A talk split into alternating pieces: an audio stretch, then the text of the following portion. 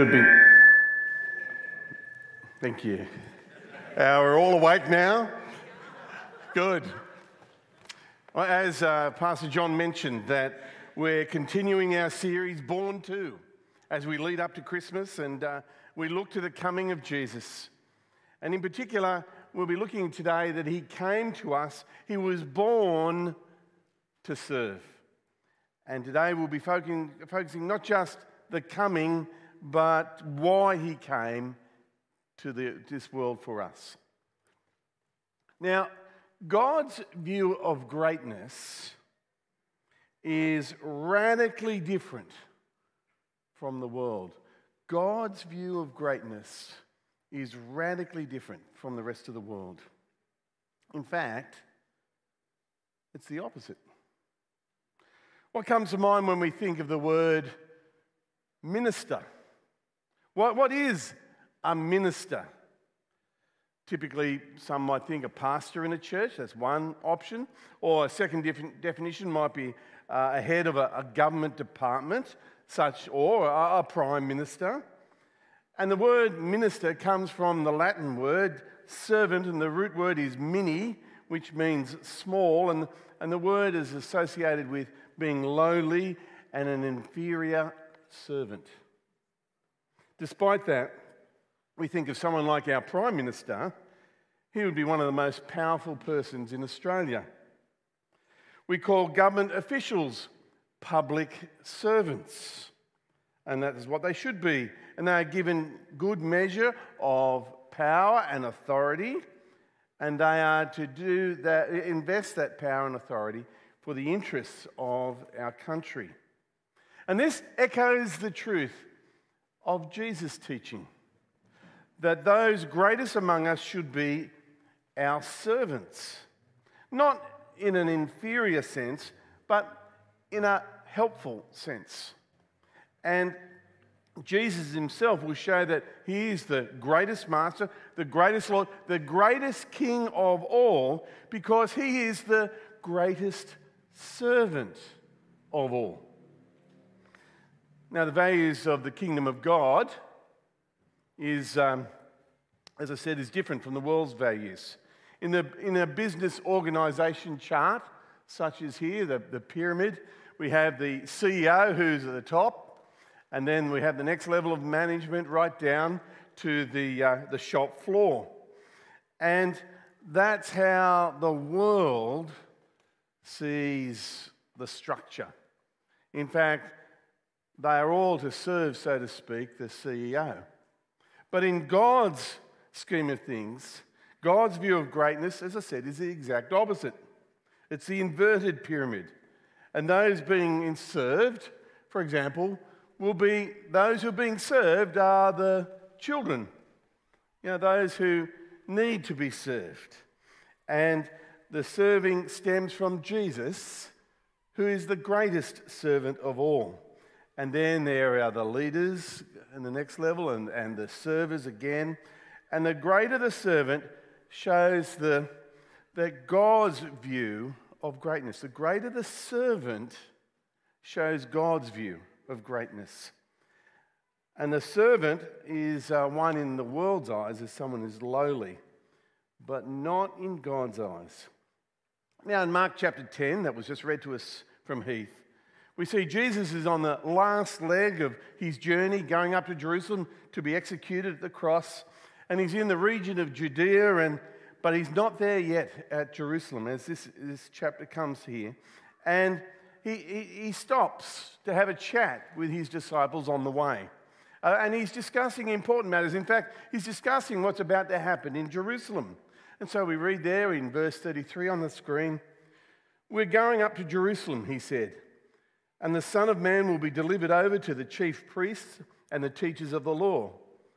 They'll condemn, they will condemn him to death and will hand him over to the Gentiles, who will mock him and spit on him, flog him, and kill him.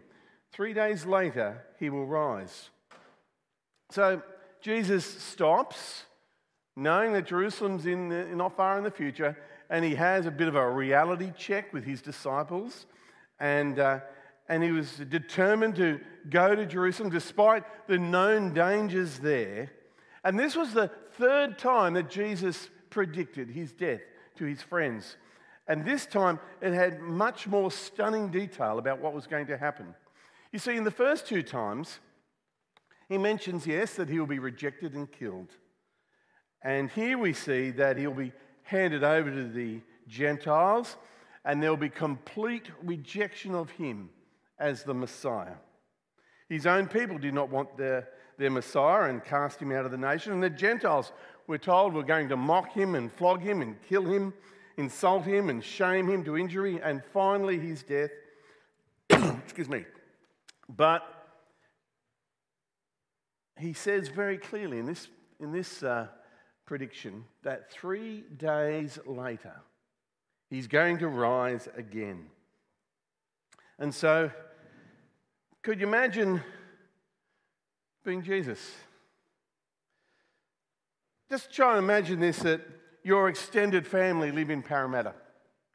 And you're going over, you're going to walk to Parramatta, that'll take a while. And uh, knowing full well that when you get there, you're going to be rejected. And they're going to kick you out of the city. And then the state police will mock you and flog you and kill you in the most humiliating and painful way possible. Would you go for that journey to Parramatta? But we see here the Son of Man is on a mission, on a mission to serve. How much of this uh, would his disciples understand this third and clear, plain prediction of his death? Well, not really. We see in verse 35 there on the screen. Then Jesus, oh, sorry, then James and John, the sons of Zebedee, came to him. Teacher, they said, we want you to do for us whatever we ask. Well, that's a bold request, isn't it? Who's the Lord and Master here? They didn't even ask, Can you kindly consider a request that we have? No, it's more like a demand. We want you to do whatever we ask. And what is whatever? They're asking Jesus for a blank check. Jesus, ever the certain, asks them again, What do you want of me to do for you? This seems like a gracious reply, but it's also a strong one. Then James and John, the, sons of Zebedee, or the, the sons of thunder, and in Matthew 20, this same incident is, uh, is recorded for us. And in that incident, their mother does all the legwork and uh, makes the request on behalf of, their, of her sons. But Jesus asks them now to be more specific what do you really want from me? And so we, we read there on the screen in verse 37 they replied, Let one of us sit at your right and the other at your left in glory. The Zebedee family were asking Jesus to give them the two highest places in the kingdom of God after Jesus. And they were trying to secure for them these seats that would put them above everyone else. It was about themselves. And they were maneuvering quickly and perhaps even secretly so the other disciples wouldn't notice. They're acting out of self interest, out of selfish motives. What made them think they could come to Jesus with such a bold request? Perhaps they figured out that, uh, you know, for the ask first in, best dressed, that often happens in families, doesn't it? Or, well, because they were part of Jesus' inner circle of disciples uh, among the 12, you know, only three were chosen to go up to the, uh, the Mount of Transfiguration, and that included Peter, James, and John. But what it also reveals uh, in the request, and this is something I want to unpack this morning, is the depth of bondage to sin here. Their inability to break free from thinking about themselves and not serving. And this was the third time Jesus spoke plainly about his death. And they still did not understand it. Remember the second time when Jesus predicted his death, the disciples went on to argue after that who was the greatest in the kingdom of God. And Jesus responded then by saying, Anyone who wants to be first must be the very last and servant of all. He taught the same thing when, with the lesson of the, the rich man. Still, they did not get it, and this time, two of the main disciples they demanded the top two spots of honor. The, the remarkable thing here, friends, is Jesus just finished speaking about the fact that he was going to Jerusalem to die. And they failed to understand it. Maybe they thought he was exaggerating, being about him being killed, or, or they thought that you know, he might just disappear for uh, three days and he'll go to heaven and, and come back with all the, the angels in glory. But their sinful hearts, full of greed and selfish ambition, blinded them to the truth and gravity of Jesus' mission. They did not show any concern about Jesus' sufferings or giving any thought to the gravity of the words. Their minds were, were puffed up and filled with, with the notions of glory and power and grandeur. When Jesus spoke about his death, they, uh, they said very little. If you were Jesus, you'd be pretty frustrated with them, wouldn't you? They just talked about why are you going up to Jerusalem, and what's going to happen, and then they want to squabble about who gets the best seats. so we read um, Jesus uh, tenderly guides them in the truth in verse 38 on the screen there. You don't know what you're asking, Jesus said. Can you drink the cup I drink or be baptized with the baptism I'm baptized with? The disciples didn't really know what they were asking. They thought, you know, in, you know, with Jesus, they could shortcut to the glory. Uh, but there was only one path to glory, and that was through the same cup of baptism of Jesus that they would go through. And James and John still did not fully comprehend uh, what Jesus said, but they did say, We can take that cup.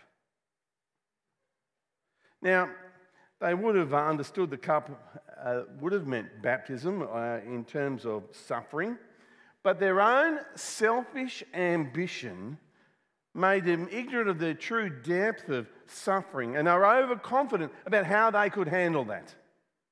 And we do know years later, these men, they did know what it was to follow their Saviour in suffering. James, we know, was put to, get, to death by the sword of King Herod, Agrippa I, and John experienced persecution and being uh, jailed. But they did, in time, take up the cup that of baptism, of of suffering. And Jesus uh, uh, responds in verse 40 But to sit at my right or left is not for me to grant. These places belong to those whom they have been prepared. God the Father has the final authority on this, and Jesus wanted to submit to, to the Father's will, and, and Jesus denied the request of those disciples. And then we hear the rest of the disciples, how they respond in verse 41. When the ten heard about this, they became indignant with James and John. Now, I just want to say they're, they're tarred with the same brush as these other two guys. They revealed that every single one of the disciples had the same selfish ambition as one another, as the first two. Not one of them was satisfied when James and John's request was denied, but what arose in them was anger, jealousy, envy, and strife. And this is the foolishness of selfish ambition. It's the very opposite of being a servant. It does not consider the other, only the self, and it causes fighting, division, and disunity in James uh, chapter 3, verse 16. Ironically, it's James. For where you have envy and selfish ambition, there you will find disorder and every evil practice. Selfishness and envy threatened to break up the, the band of disciples here that had followed Jesus up to this point. And Jesus sensed the problem and he resolved to do something and take action about it. And so we read in verse 42 Jesus called them together and said, You know that those who are regarded as rulers of the Gentiles lord it over them, and their high officials exercise authority over them. You see, the proper exercise of authority to wield is to serve the public, providing services or infrastructure and welfare and security to enable people to blossom, to prosper.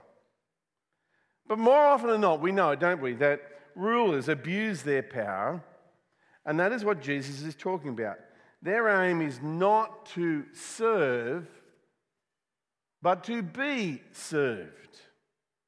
And we learn how about Herod the Great ordered the execution of those boys in Bethlehem who were under the age of two when he became paranoid about Jesus' birth.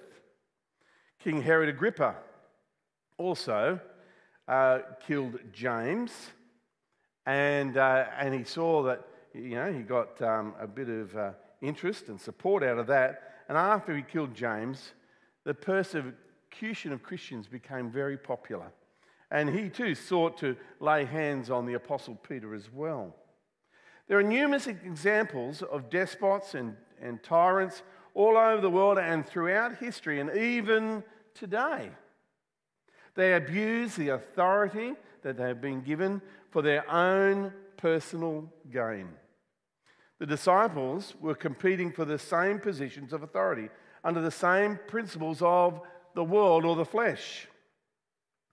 It was their own glory and interests they were after. But Jesus had to teach them again, teach them again, the true principle of greatness and public service. Look at verse 33, uh, 43. Not so with you. Not so with you, he says. Instead, whoever wants to become great among you must be your servant, and whoever wants to be first must be a slave of all. Jesus said, Not so with you.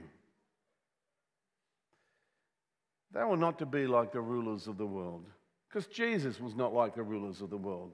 And Jesus reiterated that as he taught them several times the pathway to greatness is to serve. The greater the servant, in fact, the greater the, uh, the greatness in the kingdom of God. And he had to go a step further in talking about service. He says there, we had to be a slave, a slave to all. There are no shortcuts to glory. There'll be, um, we all have to walk the same path Jesus did, and He just doesn't tell us to take the path of service. Rather, He walked it Himself.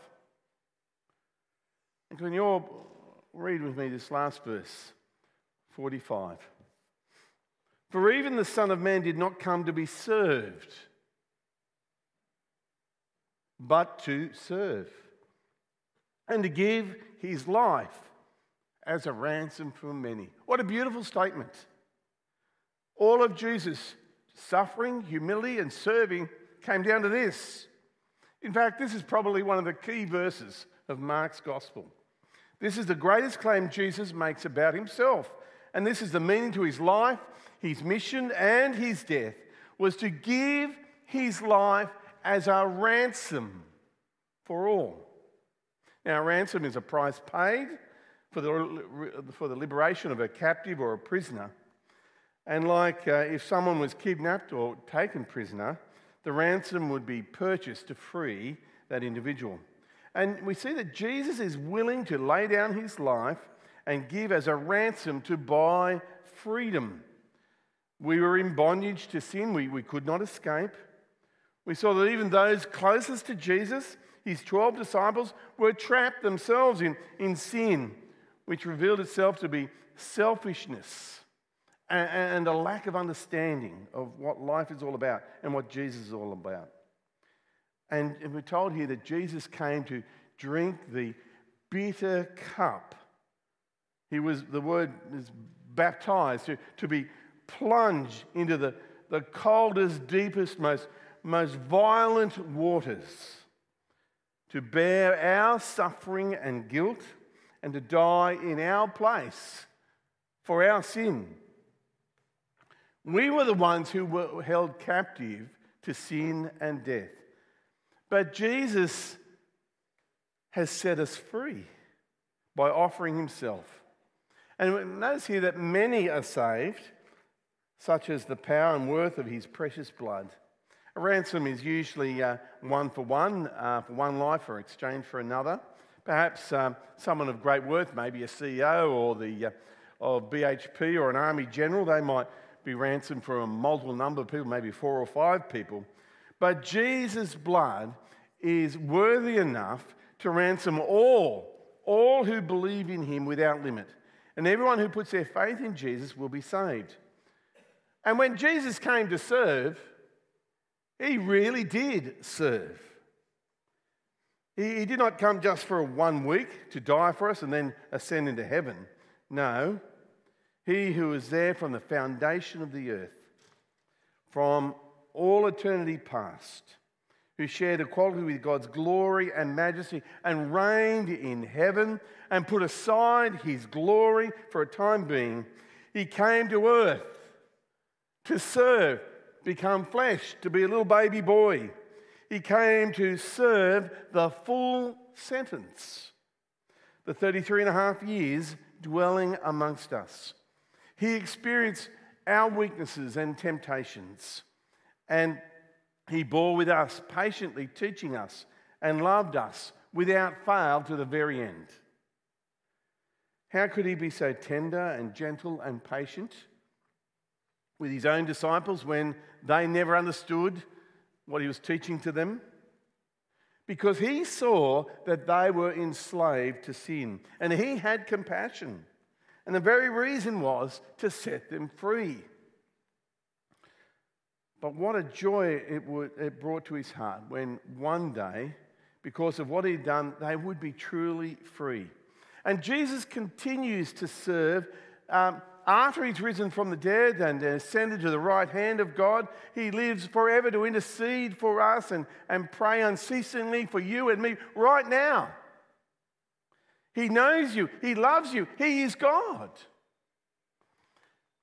And we know that he prayed for his disciples in, in John 17. And he also prays for all believers. You see there on the screen, my prayer is not for them, that is my disciples alone. I pray also for those who will believe in me through their, through their message, that all of them may be one. Father, just as you are in me and I am you May they also be in us so that the world may believe that you have sent me. Jesus came to serve in order to set us free. So, how shall we live? How shall we live? Paul tells us in Galatians 5 You, my brothers and sisters, were called to be free. But do not use your freedom to indulge in the flesh. Rather, serve one another humbly in love. And our Lord Jesus Christ, the, the King, the worthy of all glory and honor and praise, gave up his life for us to serve. Christmas is just a week away, isn't it? We all know about it. Everything's happening and, uh, and that's rightly so. And many of us, we, we've had a full year, haven't we? And uh, maybe ups and downs. Maybe we're tired and spent. But let us look beyond ourselves. Let's look to the one who's the greatest servant of all.